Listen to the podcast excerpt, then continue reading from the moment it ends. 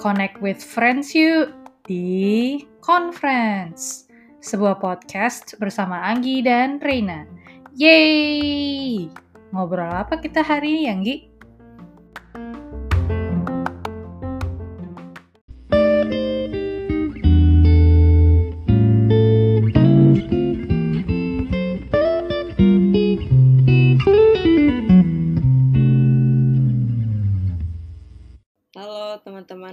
Semua, kembali lagi di episode conference. Yeay. Tiba-tiba blank mau ngomong apa ya ampun. Kenapa, kenapa selalu merasa apa ya? Ada hal selalu ngerasa kayak baru lagi gitu loh. Setiap Iya, iya. setiap betul. rekaman kayak ngerasa kok udah lama banget ya. gitu. Oke, Hmm, eh, kayaknya lama banget ya. Mm-mm. Kita ya mungkin karena kita dua, dua minggu sekali ya dan minggu lalu kan juga kita eh, ada dua part ya episode sebelumnya. Mm-mm. Oke, jadi kali ini eh mungkin apa sih yang akan kita bahas kali ini? Mungkin kan kita kemarin-kemarin episode kemarin tuh udah bahas apa ya? Mungkin kita nggak sengaja, tapi kayaknya itu yang kita bahas itu adalah kegiatan-kegiatan yang bisa kita lakukan selama work from home, ya nggak sih? Masak, Iya, baca iya. buku, Betul. nonton Korean drama. Ah. ya, aku yakin Selama kalian semua ya. melakukan itu, iya, selama karantina. Jadi mungkin kita udah ngomongin kegiatan di rumah, mungkin masing-masing udah punya cara sendiri kali ya. Eh, mungkin Betul, sekarang betul. kita bakal bahas setelah pandemi ini kita mau ngapain sih. Tepatnya kita akan Mm-mm. bahas soal traveling. Yeay. Oke, mungkin sebelum kita bahas soal traveling, eh, mungkin nanya kabar dulu. Rena gimana kabarnya? Baik. Eh, baik, habis makan jadi baik. Anggi gimana? Aku juga habis makan, jadi baik. Wow, wow, jawabannya sangat ini ya kita diplomatis sekali. Iya, Iya, kayak kita asal eh, perut terisi kita senang kayaknya sih. Oke Alhamdulillah. deh, alhamdulillah. Oke, nah mungkin kita masuk ke diskusi kita kali ini itu tentang traveling. Apa sih arti traveling bagi kita berdua? Nah mungkin pertanyaan pertama nih, aku mau nanya ke Rena. Eh, terakhir traveling ke mana, Re? Kalau yang eh, dibilang full travel ya kayak nggak cuma sekadar weekend terakhir eh, sama keluarga ke Andalusia itu kayak daerah daerah gitu di Spanyol yang dulu tuh apa sih peradaban Islam gitu deh di sana. Tapi Hmm. kalau weekend trip yang kayak cuman yang paling terakhir banget itu ke Bandung sih pas deket-deket tahun baru apa Oh, habis tahun baru gitu. Heeh. oh, Udah sih. Iya. Iya, jadi kayak udah lama banget sih nggak traveling. Bisa, soalnya kan kita nggak bisa pergi-pergi juga kan sekarang. Betul. Sedih sekali. Kalau Anggi, hmm, Kalau aku terakhir mungkin yang eh, aku lebih apa lebih apa ya leb- lebih dekat sebelum pande eh, sebelum karantina dan pandemi ini itu eh, aku ke Makassar. Eh, oh, kebetulan ada nikahan temen teman merangkap bos. Eh, sebetulnya eh, ini sih kayak kesempatan gitu mumpung ada teman yang nikah terus kayak nyari teman yuk sekalian jalan-jalan. Tapi karena cuman berdua eh, jadinya ini apa paling cuman wisata wisata kuliner dalam kota aja. Padahal sebetulnya alam yang wisata-wisata alam itu kayaknya bagus. Cuman ya gitu karena kita Hmm, cuma iya. berdua cewek-cewek terus masa keluar kota gitu.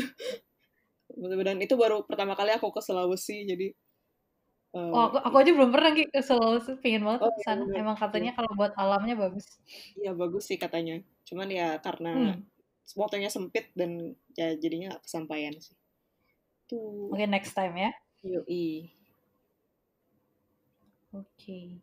Eh, nah itu tadi kan kita udah kayak cerita tentang yang terakhir.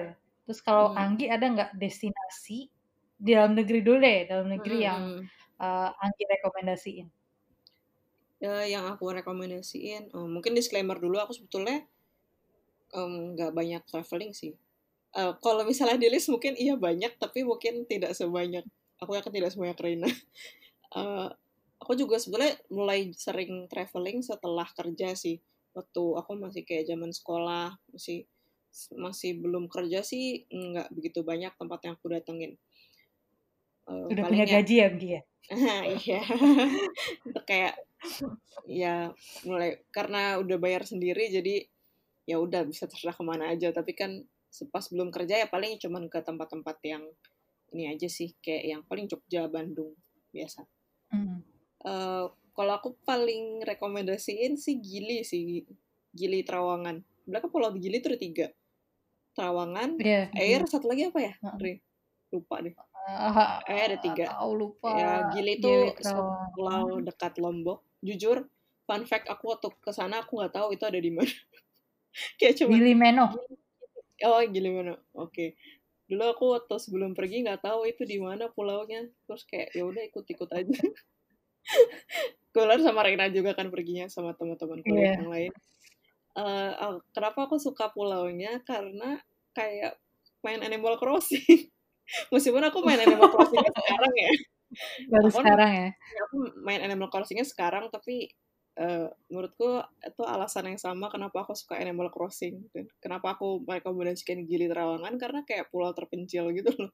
Jadi apa ya terpisah dari kehidupan kota ya udah nggak inget dengan kehidupan kota yang keras di sana ya udah kayak hidup apa ya santai sih terus deket pantai kan terus kayak angin hmm. berhembus terus ke mana-mana wow. bisa jalan kaki bisa bisa naik sepeda kayak banyak jajan juga ah pokoknya alamnya bagus sih menurutku aku, aku sih pengen banget sih ke sana lagi cuman belum menemukan kesempatan yang pas.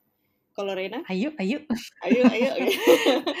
eh, aku setuju sih. Kalau Rena mungkin... Ya, soalnya kita waktu itu bareng ke sana ya, gitu Terawangan ya. Itu, ya, iya sih, aku setuju. Betul, betul. Terutama buat yang suka sepedaan cocok tuh. Karena di situ bisa yeah, yeah. sepeda. Betul. Kayak bisa keliling satu pulau gitu. Terus bisa, kalau suka snorkeling, suka berenang-berenang, Mm-hmm. Sama kalau uh, ada recommended juga di situ kalau mau ngambil sertifikat diving atau mau coba diving di situ ada kayak diving school yang menurutku decent sih. Jadi mm. uh, sangat recommended. Ya, Rena itu ke sana um, diving juga kan sendiri lagi. kan ada yang lain juga maksudnya ya sama sama instrukturnya lah. Ya itu itu uh, paling berkesan sih diving paling berkesan di sana karena uh, pemandangannya bagus banget. Hmm. Tapi kalau Gili Gili hmm. itu kan udah apa ya bukan udah emang emang lumayan mainstream ya. Kayaknya second setelah Bali kayaknya sih ya Gili dan Lombok itu kan. Hmm, udah rame. Uh, hmm. Udah rame terus jadi kalau mau yang agak anti mainstream tapi kalau di Indonesia tuh kalau menurutku emang cocoknya sih ke pergi ke pantai-pantai pulau-pulau gitu sih atau gunung tapi aku lebih suka pantai. Um, itu nih uh, Pulau Weh di Sabang, Aceh. Cuman ini agak agak lebih jauh ya daripada eh tapi sebenarnya sama nggak ya kalau jarak dari Jakarta nggak ada yang kayaknya lebih jauh ke Aceh daripada ke Lombok. Hmm. Itu alternatifnya kalau ada yang mau anti mainstream. gitu deh. Oke. Okay. Oh, menarik menarik. Aku baru dengar nih Pulau Weh. Mungkin uh, suatu saat nanti mau coba ke sana. Weh. menurutku ini gak sih di Sabang kan ada tuh lagunya Sabang sampai Marau. Wisat, wisatanya juga bagus gitu loh.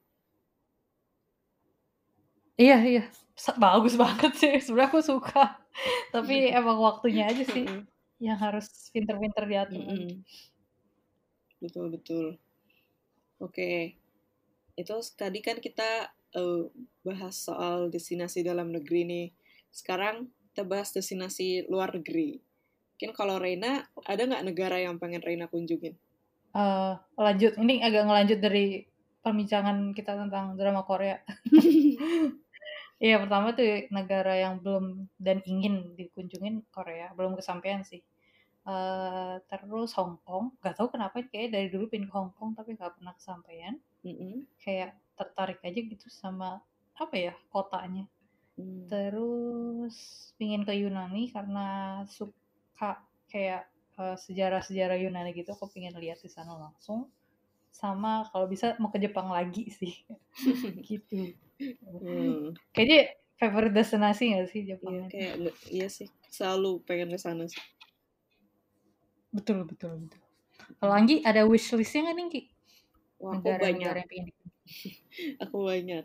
Uh, Boleh boleh coba tapi diceritain. mungkin uh, paling pertama yang aku pengen banget ke sana itu Iceland. Kenapa Iceland? Padahal itu jauh dan dingin. Hmm, pertama aku nggak pernah ke Eropa. Kedua, uh, jadi waktu itu aku nonton. Jadi aku mungkin episode sebelumnya pernah cerita ya aku pernah keseleo kakinya sampai di perban. Itu karena aku nggak bisa ke mana-mana. Jadi kerjaanku tuh cuman di sofa. Terus pas aku nonton TV, kebetulan waktu itu masih punya TV kabel, nonton TVN. TVN tuh salah satu channel di Korea. Itu nayangin acara namanya Youth Over Flowers. Uh, Mhm. Jadi kayak aktor-aktor dia jalan-jalan backpacking gitu. Nah kebetulan tuh ke Iceland dan ternyata Oh. bagus banget kelihatannya di situ. Jadi aku kayak dalam keadaan aku lagi nggak bisa jalan terus pokoknya oh pengen banget ke sana gitu. Kalau udah sehat nanti kakinya. Uh, jadi itu masih kayak wishlist, bucket list sih Iceland. Terus ke UK, ya UK kayak karena ya di aku juga belum pernah ke Eropa sih dan pengen banget ke sana. Uh, terus Jepang, Jepang aku pernah ke sana tapi pokoknya selalu ingin kembali sih ke sana. Karena yang Setuju. yang pas pergi pertama kali ini sih aku menyesal tidak begitu kontribusi dalam buat itinerary dan Ah, sebagainya. planningnya ya. Mm-mm. Jadi aku ya pengen lagi-lagi ke sana. Dengan keadaan aku benar-benar aware gitu loh. Kita mau ke mana, kita gimana caranya Hmm. ke sana gitu. Terus terakhir aku pengen ke Korea. Eh, aku juga udah pernah ke Korea sebetulnya, tapi aku mau lagi ke sana. Meskipun Korea aku aware dan aku yang bikin itinerary, tapi kayak apa ya masih banyak hal yang kayak kurang aja gitu. Mungkin Kurang. kayak waktunya kurang tepat waktu itu. Eh, tapi Korea aku khususnya aku pengen ke Jeju. Kalau Jeju aku belum pernah. Eh, karena aku abis nonton eh, variety show namanya Hyori Homestay. Terus Jeju juga bagus banget, jadi pengen banget sih ke sana. Tuh. Langsung ngiler ya pengen ke sana ya. Mm-mm, bagus banget sumpah. Mudah-mudahan bisa kita kita bisa ke sana ya, Nggi. Habis Ya, sudah amin, amin. Ayo, berlalu pandemi ya. Oke deh. Itu tadi negara yang ingin dikunjungi ya. Terus kalau misalnya ada nggak negara yang nggak pingin dikunjungi? Agak aneh sih pertanyaannya, tapi mungkin ada. Kalau aku pada intinya eh, kalau mirip-mirip sama Jakarta dan kalau dia panas aku males. Oh, cuacanya ya, kalau misalnya cuaca panas.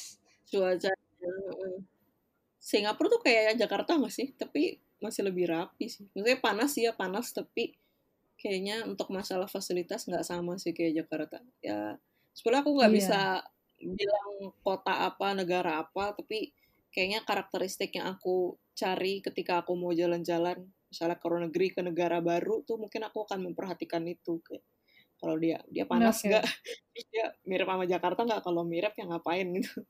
Buat apa? Berarti bisa bisa juga kayak misalnya negaranya misalnya di waktu tertentu kan kadang panas, kadang dingin, eh kadang ya nggak terlalu panas itu bisa Mm-mm. menentukan juga dong. Ki. Iya bisa sih. Pokoknya maunya Hmm. yang udaranya adem saja lah. Iya kayak ya udah di Iya. Jakarta udah panas-panas, liburan mau panas-panas juga gitu. Oke oke. Menarik menarik. Iya, iya, kayak- iya kayak gitu. Kayak kalau mirip-mirip, experience-nya tak usah lah. Hmm. Kalau Rena, ada nggak negara yang tidak ingin dikunjungi? Se- Sebenarnya kalau misalnya yang kayak bener-bener blacklist gitu istilahnya ya, itu nggak ada sih kayak kayaknya belum Hmm. ada. Cuman kayak mungkin beberapa negara yang nggak kepikiran aja pingin dikunjungi kayak misalnya apa ya? Kayak Afrika Selatan gitu misalnya. Hmm. Aku sempet sih ngobrol-ngobrol gitu kayak kayak baru tahu gitu ada objek menarik di sana itu mungkin nanti baru bisa jadi negara yang dikunjungi. Tapi kalau bener-bener blacklist kayak ah nggak mau ke sini gitu kayaknya belum ada sih. Kalau misalnya bisa pergi gratis ditawarin itu aku kayaknya ke negara apa pun mau-mau aja. Gitu. Iya, misalnya biaya juga kadang suka berat ya. Iya. Kan masalahnya itu kan sebenarnya kalau misalnya mm-mm. kita pergi terus abis itu misalnya kayak negaranya kita nggak terlalu nggak terlalu apa ya nggak terlalu kita pingin kan ngeluarin duitnya juga agak sayang gitu kan Mm-mm. Iya, sayang sih. Makanya ya kalau gratis aja mungkin mau ya ke mana aja diajak. iyalah gitu sih Oke. Eh, Oke, tadi udah bahas eh, negara mana yang mau didatangi sama yang tidak mau didatangi. Eh, sekarang kita ke ini nih. Kita bahas soal barang-barang wajib dibawa saat traveling. Misalnya Rina cuma boleh bawa lima barang. Kira-kira boleh bawa apa aja, Re? bawa lima barang ini ini aku urutin sesuai prioritas kali ya kayaknya Boleh. nggak tahu sih pokoknya lima barang ini sih mungkin mungkin nggak Hmm. sesuai prioritas tapi kira-kira begitu Eh, Hmm. yang pertama tentunya manusia milenial zaman sekarang tidak bisa hidup tanpa HP Mm-mm. jadi itu pertama HP Eh, kalau bisa HP-nya ada koneksi internet ya kayaknya kalau nggak ada koneksi juga aku bertanya-tanya nih Mm-mm. Terus eh jurnal, buku jurnalku. Aku punya catatan kayak harian gitu. Terus Kayaknya kalau misalnya aku pergi jauh, eh, maunya dibawa, Mm-mm. harus bawa sih. Terus earphone. Sekarang sekarang aku wajib bawa earphone ke mana pun. Mm. Karena biasanya kalau ngezong atau apa gitu enak sih pakai earphone aja terus ya udah jadi nggak bosen gitu. Apalagi kalau perjalanan jauh kan bosen kan ya kadang. Biar gak mati gaya. membantu banget. Betul, betul. Apalagi kalau naik pesawat itu membantu banget buat eh apa? Biasanya kalau di pesawat tuh ada suara-suara kayak gung gitu loh kayak dari Mm. dari mesin pesawat itu. Kalau pakai iya. earphone jadi nggak terlalu kedengar. Hmm. Power bank fully charge terus kabelnya. Itu aku wajib sih karena nggak tahu HP ku tidak pernah eh, mau mau kerjasama dengan eh, apa sih battery capacity-nya itu jadi butuh banget Hmm. power bank. Mm-mm. Terus ini nggak tahu kenapa aku taruh di terakhir, tapi harusnya ini awal ya, dompet sih. Kalau nggak punya duit gimana coba?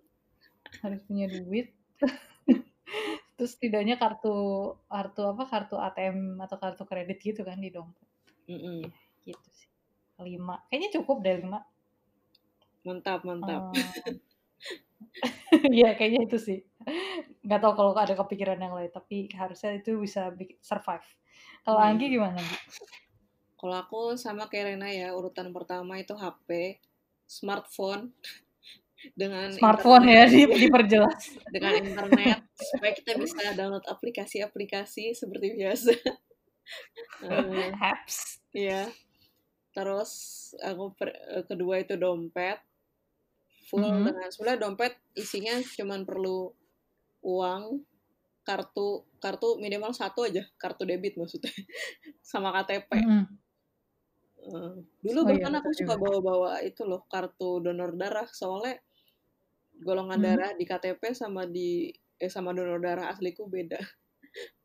Oh di KTP tuh ada golongan darah ya? Ada, Oh nggak tahu aku nggak ada. Oke oke menarik ada, menarik. ada. Eh, Nanti kalau takutnya ditanya ini kenapa golongan darahnya beda gitu. eh, enggak kalau aku malah mikirnya kenapa aku harus bawa dua-duanya karena misalnya amit-amit Hmm. kenapa-napa Oh saya udah ya. ketahuan nih golongan darahku tuh bukan yang di KTP tapi yang di golong kartu donor darah tapi Oh kartu betul donor juga. darahnya hilang nggak tahu kenapa ke mana jadi harus dicari dulu Berarti ada KTP-nya harus dikasih tanda dong. Maksudnya, ini do- bukan golongan darah yang benar gitu. Iya, ya semacam itu sih. Nah, terus urutan ketiga bawa Kindle. Mungkin Oh sebenarnya sama kayak ya. sama kayak earphone sih sebetulnya. Earphone juga menurutku penting, tapi Kindle juga fungsinya sama kayak earphone sih, supaya tidak mati gaya ketika Mm-mm. lagi nunggu atau lagi bosan kan udah ada HP bisa buka YouTube, ada Kindle bisa baca. Eh, terus tas, karena aku nggak tahu kenapa Oh harus ada iya. tas. Tapi aku senang aja gitu kalau misalnya ada tas kosong juga nggak apa-apa. Nanti ntar aku kan ada dompet, ada duit, aku bisa beli barang-barang taruh dalam tas. Oh, Betul juga. Tas tuh lumayan penting ternyata ya. Buat ya minimal tasnya buat naruh HP, dompet, sama Kindle, sama barang-barang yang aku ingin bawa. Terus yang terakhir urutan kelima adalah sambal ABC. ini Eh, kayaknya sambal apa sih? kayaknya nggak mungkin banyak yang tidak bisa relate tapi aku nggak bisa kalau nggak ada sambal ABC Ini ini disclaimer Anggi dibayar ABC nggak? enggak lah enggak kok Kenapa Anggi kau harus bawa sambal ABC? karena eh, kadang kalau misalnya destinasi dalam negeri ya biasanya kan suka beli-beli mie instan tuh itu Hmm. aku nggak bisa makan mie instan kalau nggak pakai sambal ABC rasanya ada yang Oh. kurang gitu loh terus kalau ke luar negeri biasanya kan sebetulnya lebih nggak kepake sih sambal ABC-nya cuman kadang makanannya kan kurang cocok ya mungkin ad- mungkin ada hal-hal yang bisa dimakan dengan sambal ABC contohnya seperti roti-rotian atau apa itu kan bisa tapi ya itu Oh aku iya, iya. selalu pokoknya setiap, ya. setiap traveling itu aku selalu bawa satu botol ABC yang kecil itu loh yang plastik itu aku selalu bawa dan Oh, oh, kukira sasetan. Enggak. Kalau sasetan sasetan juga sebenarnya enak sih kayak dibuka buang buka buang. Enggak aku selalu beli yang botol. Kayak waktu itu aku juga pernah beli yang botol agak gede. Nah maksudnya seandainya pas traveling tuh nggak habis aku bisa pakai lagi di rumah. Justru itu jadi cadangan buat kalau yang di rumah habis. Oh, gitu. boleh boleh. agak agak aneh karena aku suka kadang suka bukan misalnya makan mie pakai sambal tapi makan sambal pakai mie Ya, tapi ini berarti penting banget karena Anggi masukin ini ke lima barang yang harus dibawa ya nggak sih? Iya penting soalnya kan udah ada udah bawa dompet, udah bawa duit nih. Kita tinggal beli beli makan apa terus pakai sambal ABC. Soalnya kan sambal ABC nggak nggak di semua Boleh nggak boleh semua tempat jual kan. Iya. Itu terus sebenarnya bisa juga sih sambal ABC dibeli kan udah bawa dompet ya gitulah. Tapi itu penting sih. Hmm. Eh, Lebih terus aman kalau backupan ya. ya ya lebih, lebih aman kalau sudah simpan duluan. Mulai ada urutan Nah, ke-6-nya itu Nintendo Switch sih. Itu kayak bersaing sengit sama sambal ABC. Oh, luar Tapi aku biasa. memilih Sama important sambal. ABC. Iya. Karena Nintendo Jadi Switch kalau lebih aman disuruh milih, oke, Apa disuruh milih apa? menarik menarik. Nggak kalau disuruh milih antara sambal ABC dan Nintendo Switch, Anggi akan milih sambal ABC berarti kan? Oh tergantung konteksnya. Eh, untuk ini untuk traveling, untuk Oh untuk traveling, traveling iya ya. kan? Untuk traveling ya. Oke, oke, oke, menarik, menarik. Ini menarik sih. Jadi malu. Boleh, boleh, boleh, boleh. Jadi tadi HP, dompet, Kindle, tas, sambal ABC ya. Oke. Langsung drop nggak sih ini dari urutan ke harus ini ini kayak sambal ABC harus disensor sambal AB bintang gitu. Sambal A bintang-bintang. udah, udah berapa kali nih kita ngomong sambal ABC kalau Iya, ada kita paid benar. promote udah di udah dapat duit. Iya.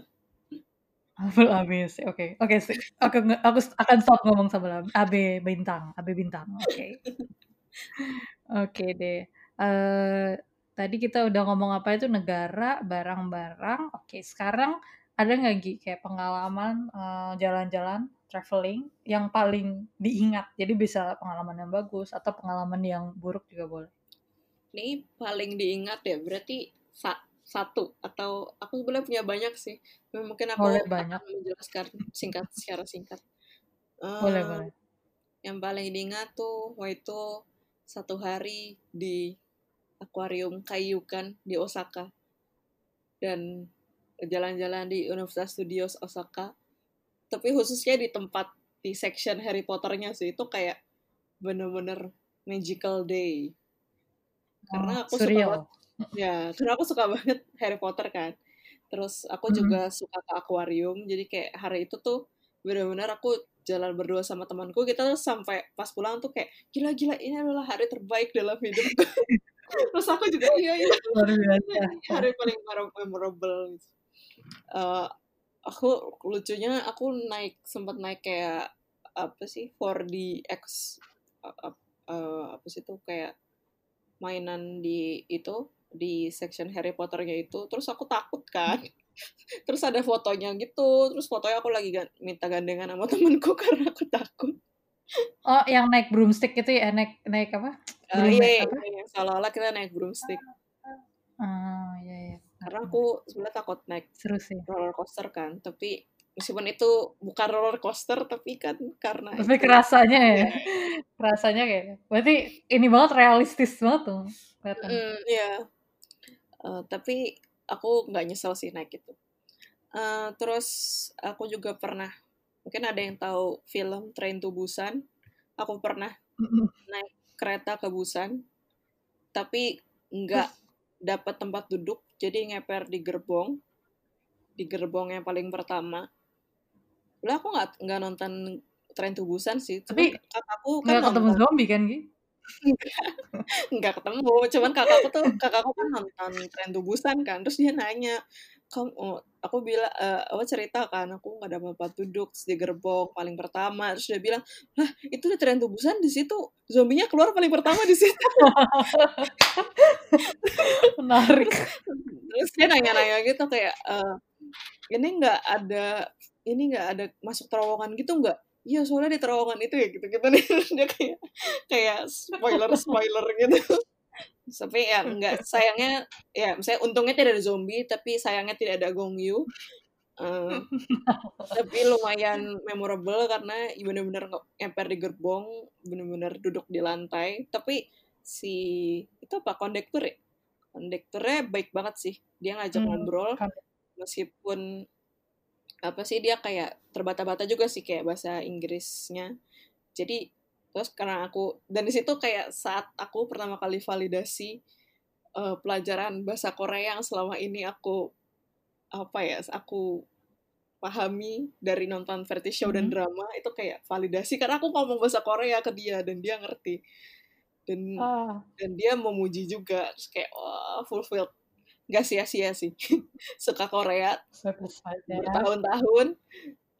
Saya bisa belajar bahasa bahasa apa bahasa lain selain bahasa ibu dan bahasa Inggris. Hmm, itu kayak hmm, keren, menyenangkan sih. Baik banget sih orangnya. Aku masih ingat sampai sekarang orangnya. Hmm, kok ya orangnya baik banget.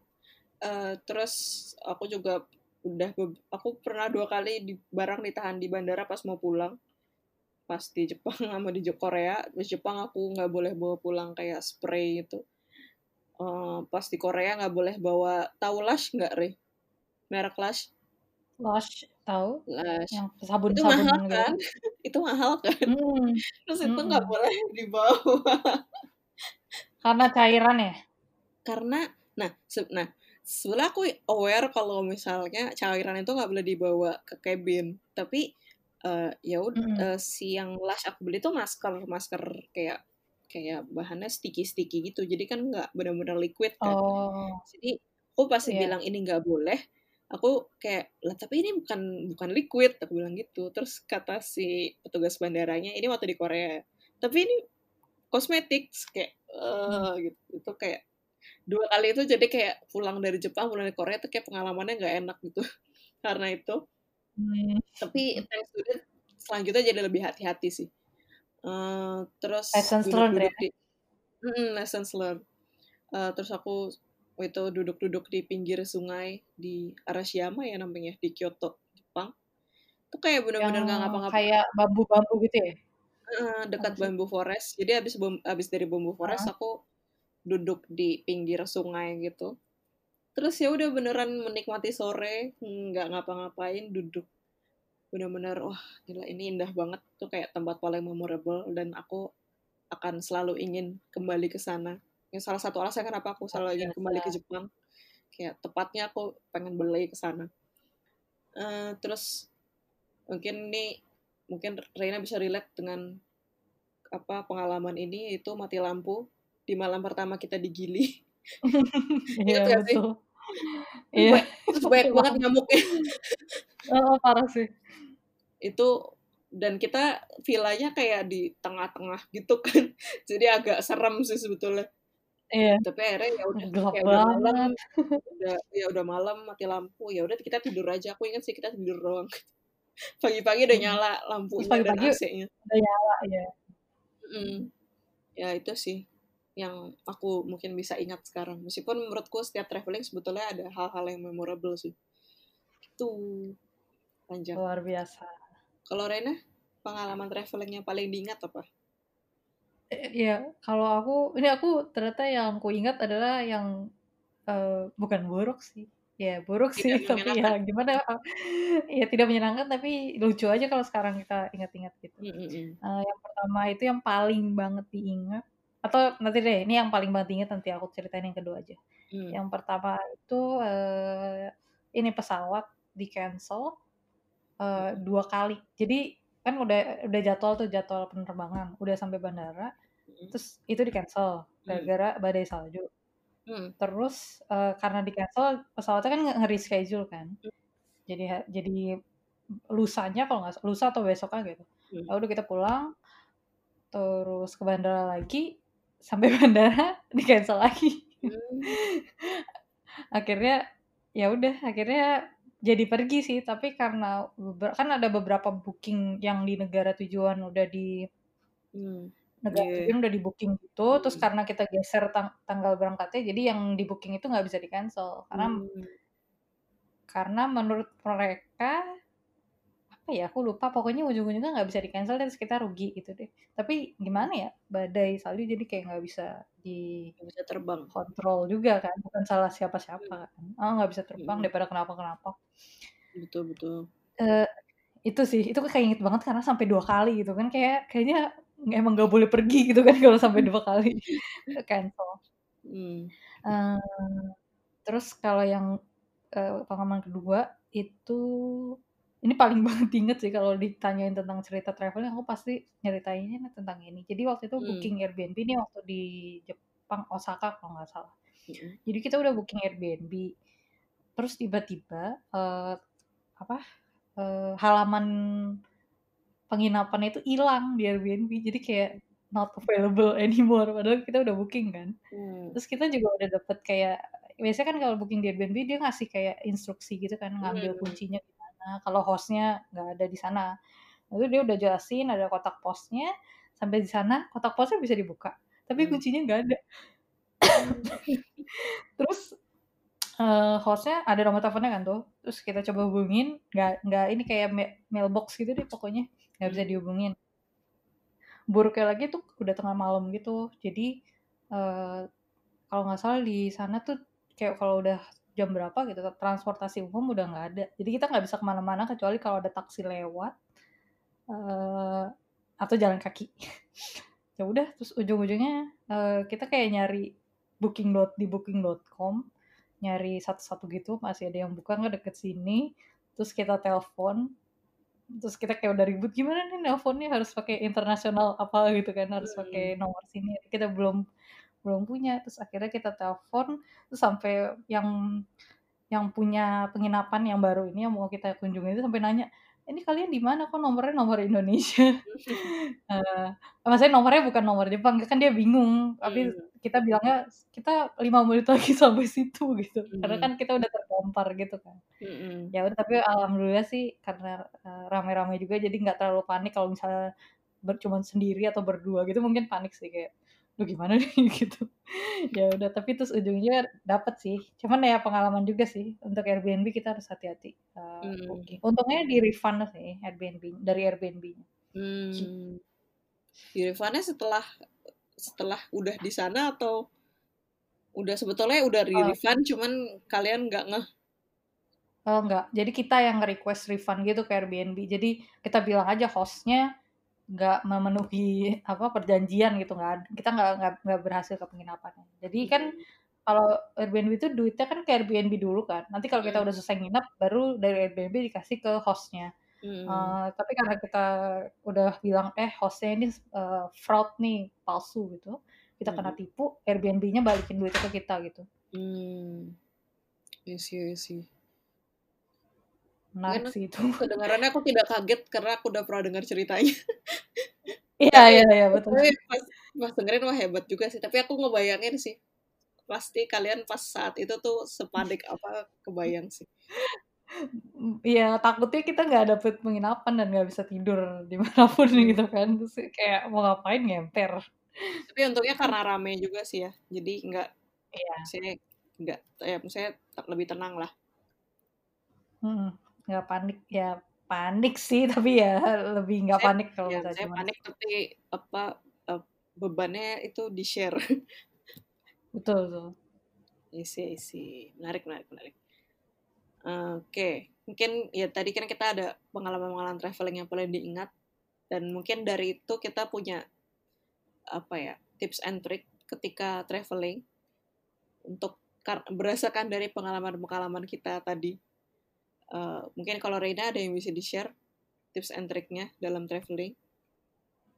Oh oke, okay. aku mungkin singkat-singkat nih. Kalau pertama, uh, biasanya kalau aku kalau udah book flight, udah fix, flightnya udah di book, langsung book aja penginapannya booking.com yang free cancellation.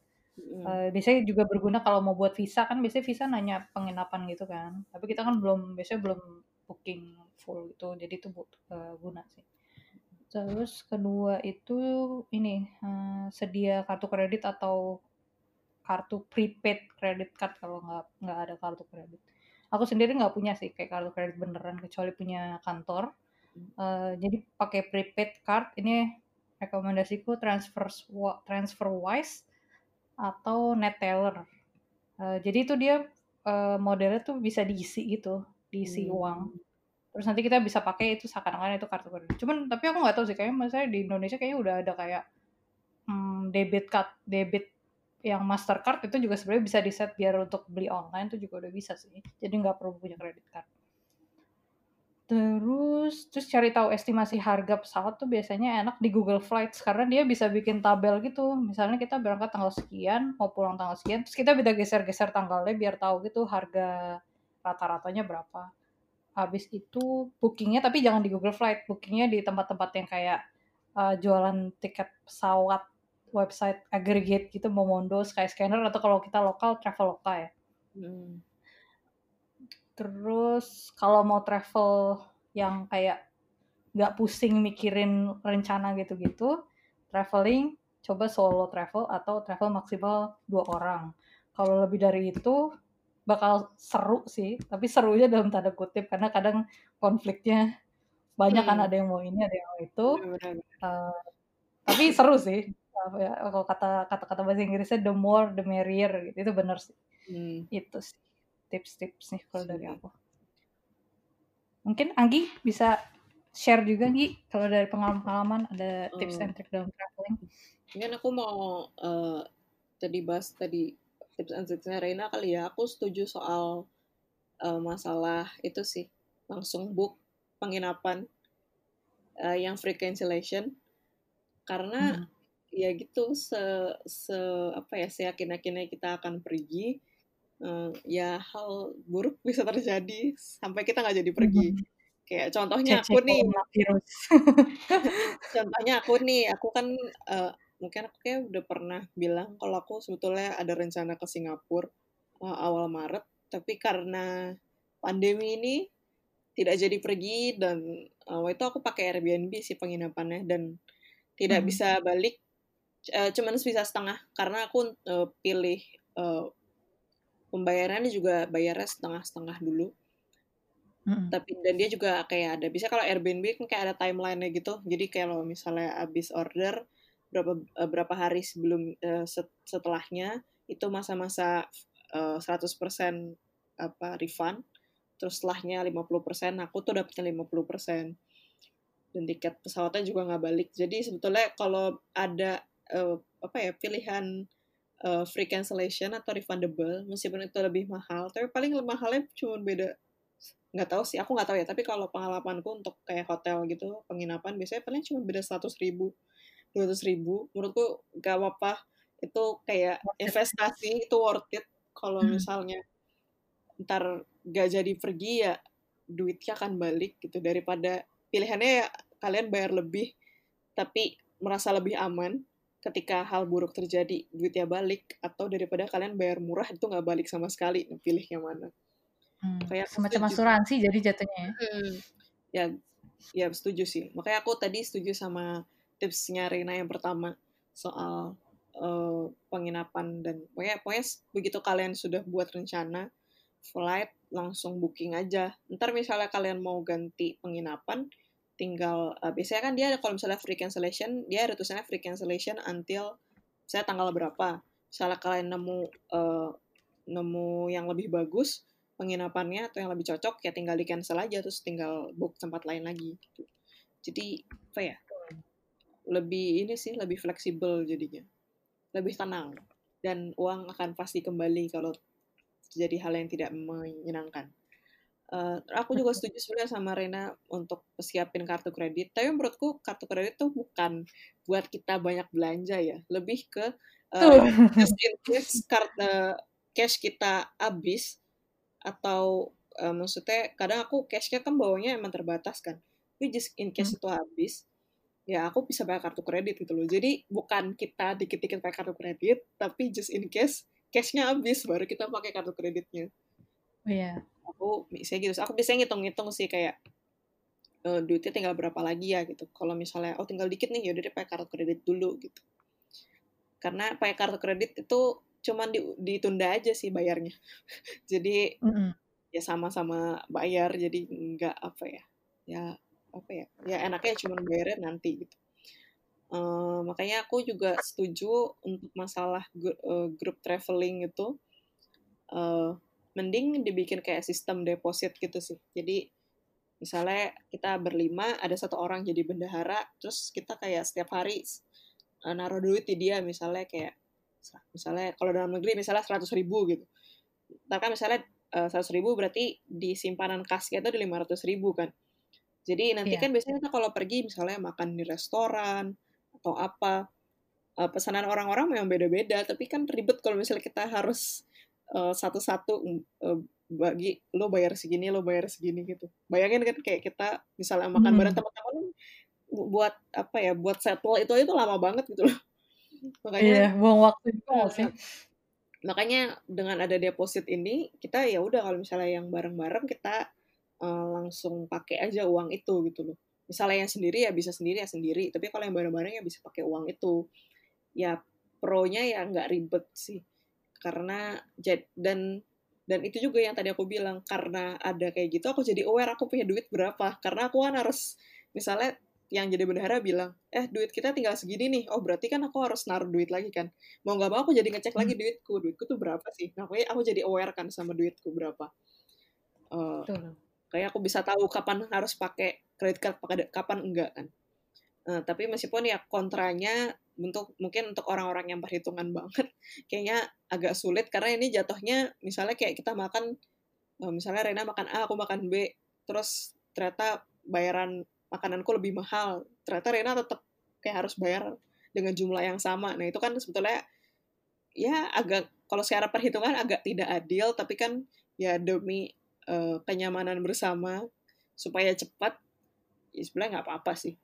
Toh biasanya kalau beli kayak makan biasanya kan makanan yang kayak gitu ya. Saya kalau makanan kan ya toh kadang sharing juga kan nyobain nih cip-cip jadi sebetulnya ya nggak begitu yeah. rugi lah menurutku sih. Jadi itu sih mungkin. Tips and tricks dariku tuh. Luar biasa Oke deh, tadi udah tips and trick, udah pengalaman. Nah, sekarang ada special section nih kayak eksperimental di episode ini sih. Jadi, uh, apa coba? Eksperimental. Jadi um, sistemnya itu uh, jadi aku sama Anggi gantian. Pertama aku bacain misalnya lima bukan misalnya sih, emang lima pertanyaan. Lima pertanyaan itu kayak pilih X atau Y gitu lah terkait hmm. traveling. Nanti Anggi langsung jawab tapi cepat ya jadi kayak aku nanya selesai Anggi langsung pilih salah satu itu dengan cepat hmm. abis itu gantian Anggi bacain lima pertanyaan terus aku yang jawab abis itu kita bahas ya, singkat aja gitu bahas kenapa sih kok kita milih ini instead of yang satunya gitu Hmm, Oke, okay, ini okay. Uh, eh, disclaimer. Jadi Anggi sama aku nggak tahu pertanyaannya ya sebelumnya. Jadi ini kita bener-bener uh, nyiapin masing-masing gitu deh. Tapi mungkin aja nanti pertanyaannya ada yang sama. Oh, nggak tahu sih kita. Ya. Karena kita cek. Oke deh. Uh, dari aku dulu aja kali ya, Anggi ya, pertanyaan. Oh, berarti Rena yang nanya ke aku. Oke. Ya, aku nanya, Anggi langsung jawab ya. Uh, tunggu. Deg-degan sih. Oke deh. Oke. Oke.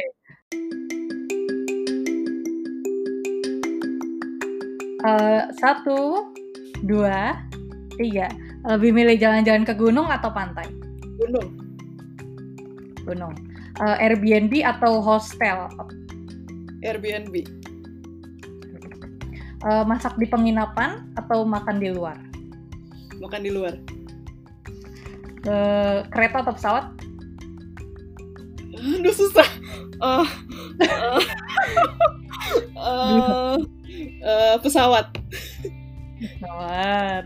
Uh, ngambil foto atau di foto? Ngambil foto. Oke, okay, sip. Udah aku catat semua jawabannya. Oke, okay. seru-seru yang tadi seru, yang seru. yang pertanyaan keempat kayaknya harus dijelasin nanti ya MG kenapa kok tadi agak bingung. Gitu. Oke, gitu. oke. Okay. Okay. Sekarang giliran aku nanya ke Rina ya. Betul. Oke okay deh.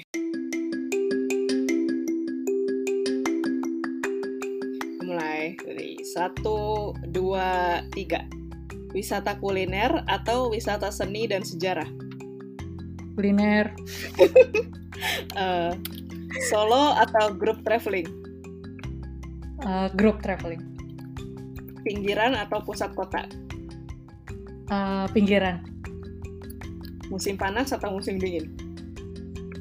Uh, musim dingin. Jalan kaki atau naik transportasi lokal? Uh, transportasi lokal deh Oke. Okay. ini sih agak yang terakhir agak hmm, gitu deh. Bingung. kayak gitu. Ah, bingung bingung. Oke okay hmm. deh, menarik, menarik, Seru juga sih. Seru, seru. Um, Gak ada yang sama ya berarti tadi kan? Iya, tadi hampir aku mau nulis itu yang pertanyaan grup atau travel. Hmm. Tapi terus aku ingat ada gunung atau pantai, terus aku lebih milih nanya gunung atau Tadi pantai. aku mau nanya itu. Terus gak jadi. Apa sih? Berarti kita kayak tukeran gitu. Iya. Menarik, menarik, menarik. Luar biasa, luar biasa. Oke deh. Emang ya sehati banget. Oh. uh, dari Anggi ya, jawaban Anggi ya. Pertama tadi Anggi Boleh. pilih gunung daripada hmm. pantai. Kenapa tuh, Gi? Seperti yang tadi aku bilang, aku nggak suka tempat panas. Uh, sebetulnya ya oh. agak agak kontradiktif ya soalnya gini kan pulau dan dia panas ya. Iya. tapi, tapi kalau misalnya uh, prefer ya aku lebih suka gunung sih, aku yang suka yang adem. Hmm. Karena di Jakarta udah panas. make sense, make sense. Paham, hmm. paham. Hmm. Uh, terus tadi kedua Airbnb atau ini sebenarnya tadi pertanyaan tuh tuh hostel S-nya dalam kurung gitu jadi Airbnb atau hostel gitu. Uh, hmm, tapi Anggi oh. Airbnb ya? Uh, Airbnb Kenapa? karena lebih ini aja sih, lebih lebih leluasa aja sih. Terus banyak rumah yang Instagramable. Meskipun aku nggak dikit-dikit post oh. ke Instagram ya, tapi yang enak aja gitu, yang comfy, yang kita berharap itu rumah kita tapi bukan. Kayak Jadi seakan-akan lagi di rumah sementara gitu ya, lebih betul. kayak menikmati. Tapi itu setuju sih. Iya kan? Instagramable. Oke. Okay. Terus tadi ada yang ketiga masak penginap masak di penginapan atau makan di luar. Anggi jawabnya makan di luar. Ini aku expected sih. bisa ditebak. Mungkin Anggi bisa cerita kenapa? kalau makan di luar, uh, ya misalnya kalau masak, ntar aku udah traveling, aku itu mau apa ya? Kadang orang tuh untuk traveling kadang suka apa ya kayak bener-bener budget traveling gitu. Sebenarnya nggak apa-apa cuman menurutku hmm. kalau misalnya sampai kita bener-bener ah aduh sayang ah ngeluarin duit gitu kita untuk traveling untuk bayar tiket aja mahal gitu loh. Jadi kayak menurutku ya ya udah keluarin aja duitnya nggak usah nggak usah apa ya nggak usah terlalu dipikirin gitu loh. Kalau nanti travelingnya jadi nggak ini nggak apa ya nggak menyenangkan. Jadi daripada yeah. aku juga masak di dalam penginapan tergantung sih mungkin kalau misalnya kayak rame-rame masak di penginapan juga seru sih misalnya kayak barbekyuan gitu itu seru kan yang kita bisa bikin memori sama-sama gitu. Tapi kalau misalnya emang tempat kita traveling yang misalnya kulinernya enak atau banyak hal yang kita bisa coba yang biasa tidak kita makan mendingan makan di luar sih. Hmm betul betul betul.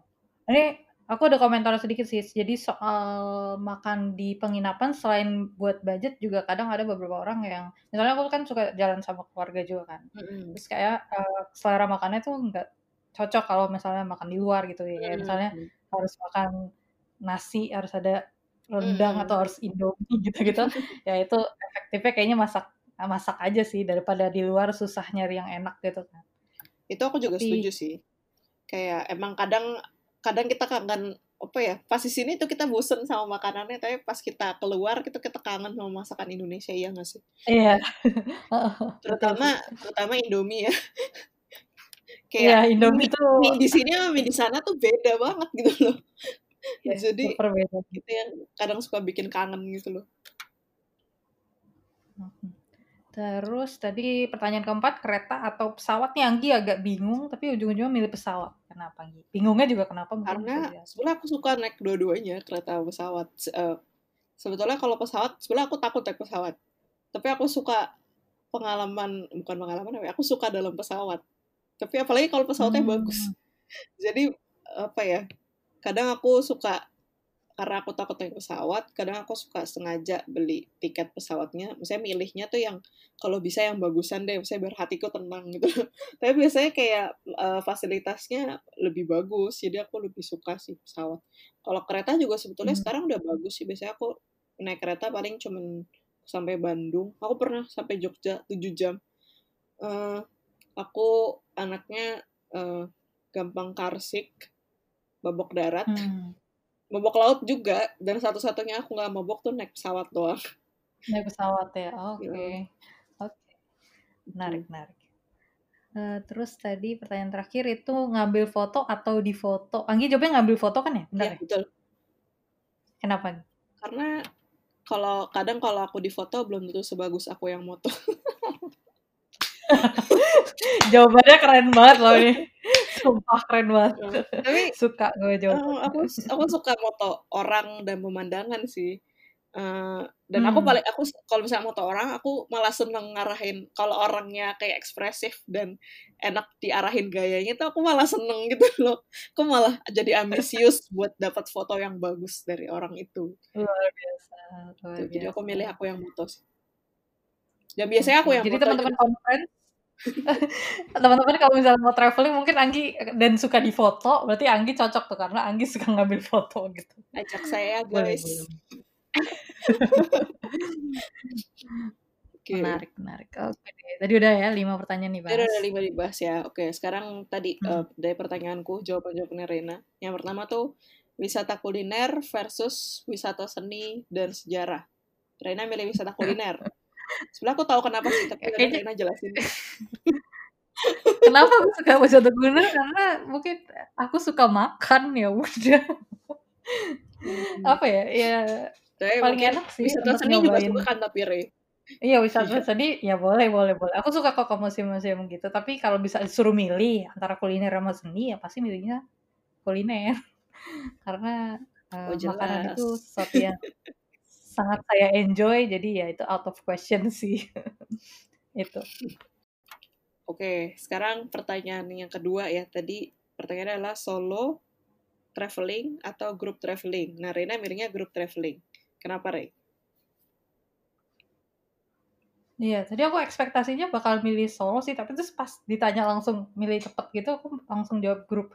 Uh, kenapa? Karena walaupun grup itu merepotkan tapi biasanya uh, experience-nya lebih banyak itu karena melibatkan hmm, banyak orang dengan banyak keinginan gitu. Gitu sih. Hmm. Solo ya asik juga sih kita bisa lebih leluasa tapi biasanya experience-nya ya karena kita yang jalanin jadi nggak terlalu banyak yang di luar ekspektasi gitu sih. Hmm, I see. Terus yang tiga, pinggiran atau pusat kota? Rena pilih pinggiran. Kenapa tuh? Hmm.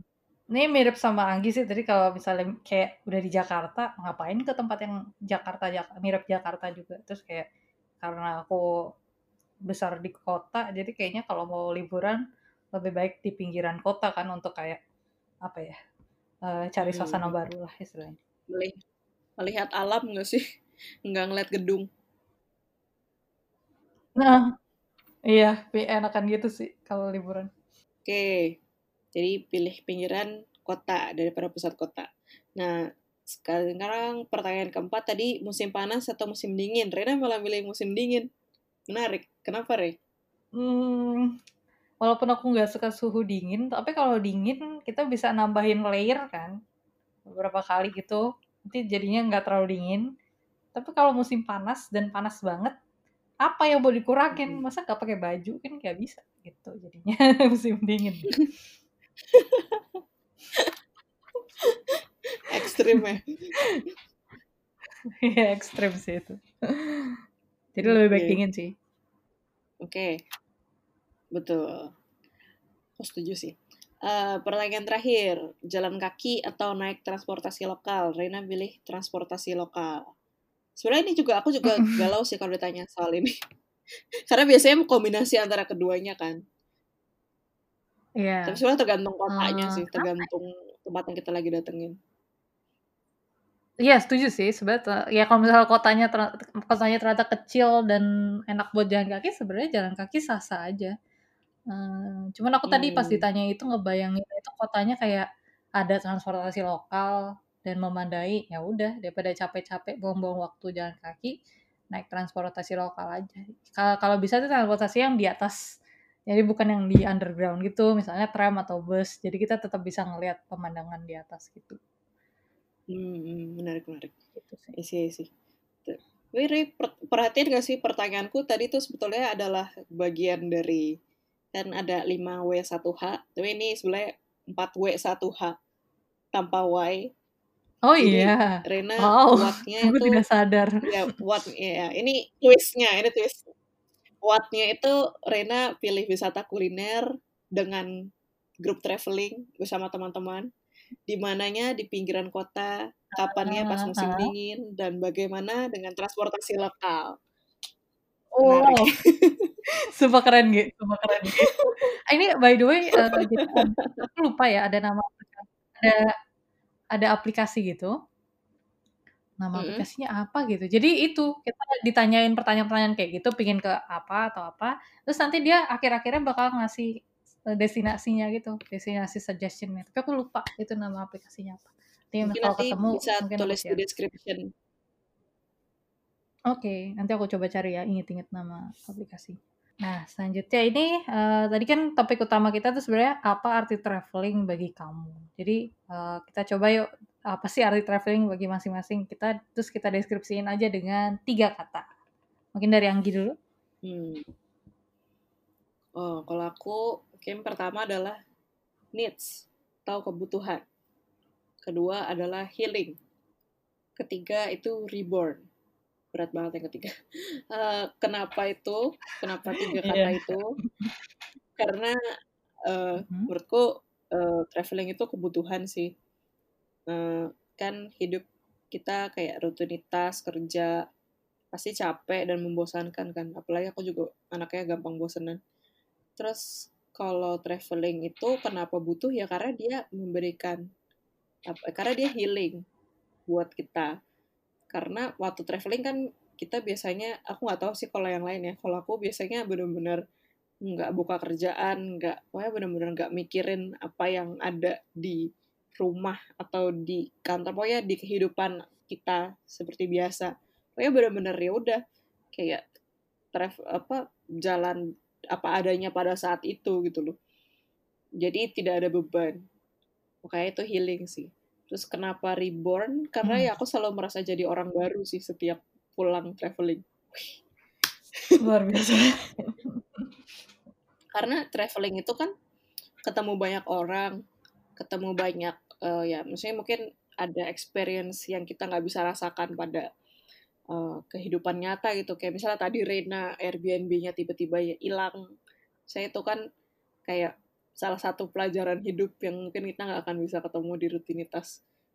Kayak ya apa ya hal baru aja sih. Menemukan hal baru. Jadi mungkin kita sebelum aku sih selalu ngerasa sebelum aku pergi aku eh, dan setelahnya itu sudah menjadi orang yang berbeda. Pasti kayak aku mendapatkan sesuatu dari traveling itu. Entah eh, apalah pengalaman baru pengalaman tidak mengenakan. Biasanya pengalaman tidak mengenakan sih membuat kita banyak belajar gitu. Tapi kalau pengalaman yang menyenangkan Betul itu sekali. membuat kita jadi lebih bersyukur. Itu sih. Ah dalam sekali. Gitu. Luar biasa filosofinya. ya ada. Kalau Reina gimana? Apa coba deskripsikan dengan tiga kata apa arti traveling buat Reina? Oke. Eh, pertama moving, tanda kutipnya aku juga nggak tahu kenapa. Moving.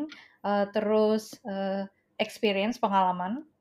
Terus Mm. uh, ini mirip sama Anggi kali ya Ribbon ini tapi aku sebutnya recharge. Recharge. Hmm. Uh, mungkin dari apa ya enaknya experience dulu deh.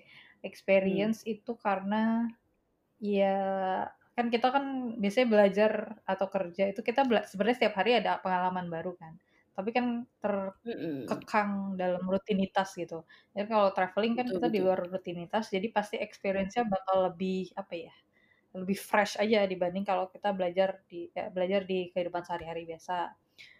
Terus yang Mm-mm. kedua recharge.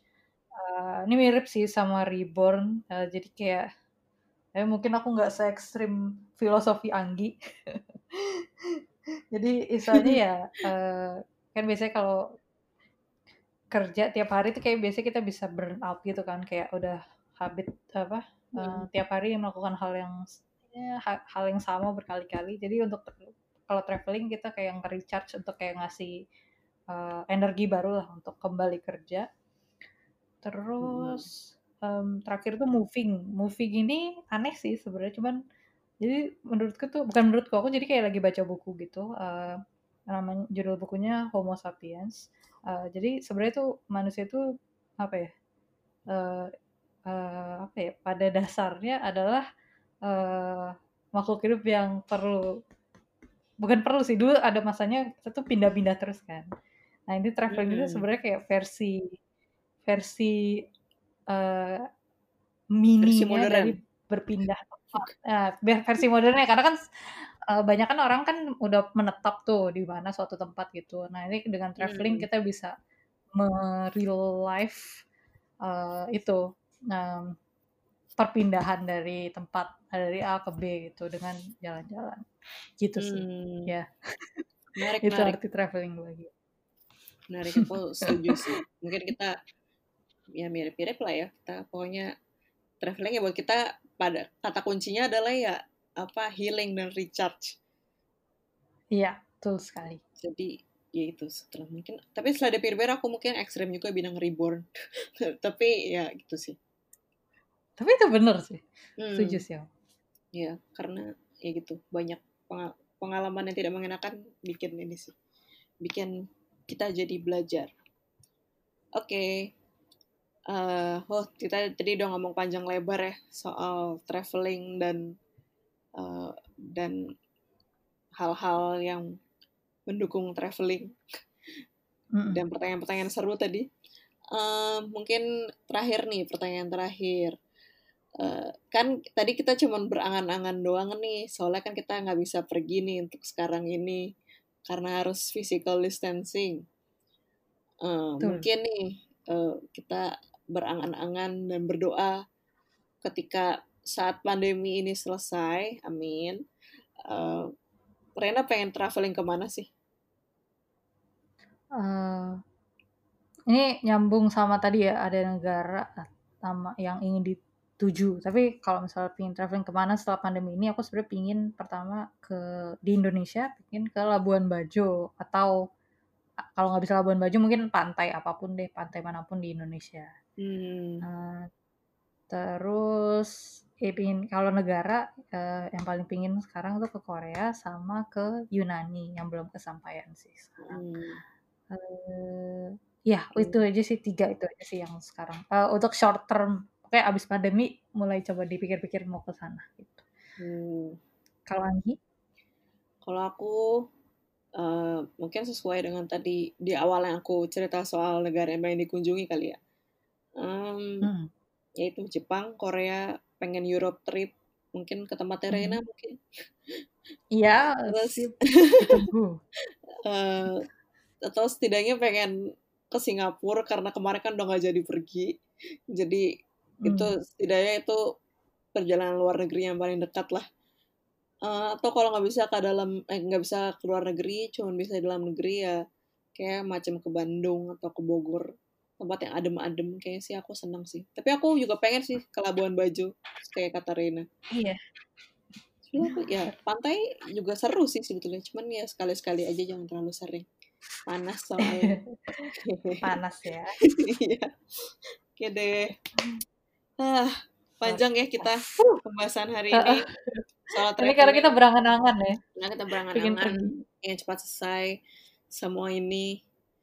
Tapi untuk mencapai angan-angan itu mungkin kita harus tetap stay at home. Jangan ke mana-mana dulu. Kalau kita bersabar lebih eh, sedikit lebih bersabar, kita akan bisa keluar dan jalan-jalan lagi seperti biasanya. Yeay. Amin. Amin. Oke, mungkin itu aja kali dari kita. Dari Rina mungkin ada yang mau disampaikan lagi mungkin terakhir atau sudah? Udah itu aja sih tentang traveling.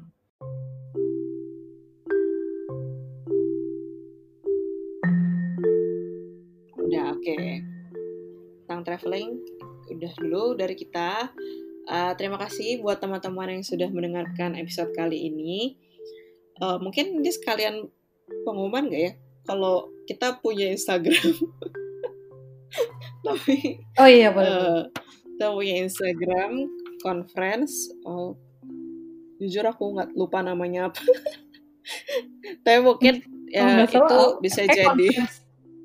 namanya conference jadi c o n n eh, dot friends Eh, belum ada post apa apa tapi mungkin kita akan lebih aktif kali ya di situ untuk eh, ngepost soal bahasan-bahasan kita dan episode-episode kita yang akan datang. Eh, bisa juga kalau misalnya ada yang pertanyaan sama saran bisa eh, ke IG juga buat eh, bisa DM atau mungkin nanti komen di postnya kalau misalnya kita ada postnya. Eh, selain itu kita juga bisa eh, kita juga ada email kalau misalnya ada pertanyaan dan saran bisa kirim ke uh, conferencepod@gmail.com atau bisa lihat detailnya di deskripsi episode ini. Stay tuned for the next episode ya. Sampai jumpa di conference selanjutnya. Bye. Bye bye. Huh. Oke. Uh, sate Indomie. Oke. Oh, Indomie.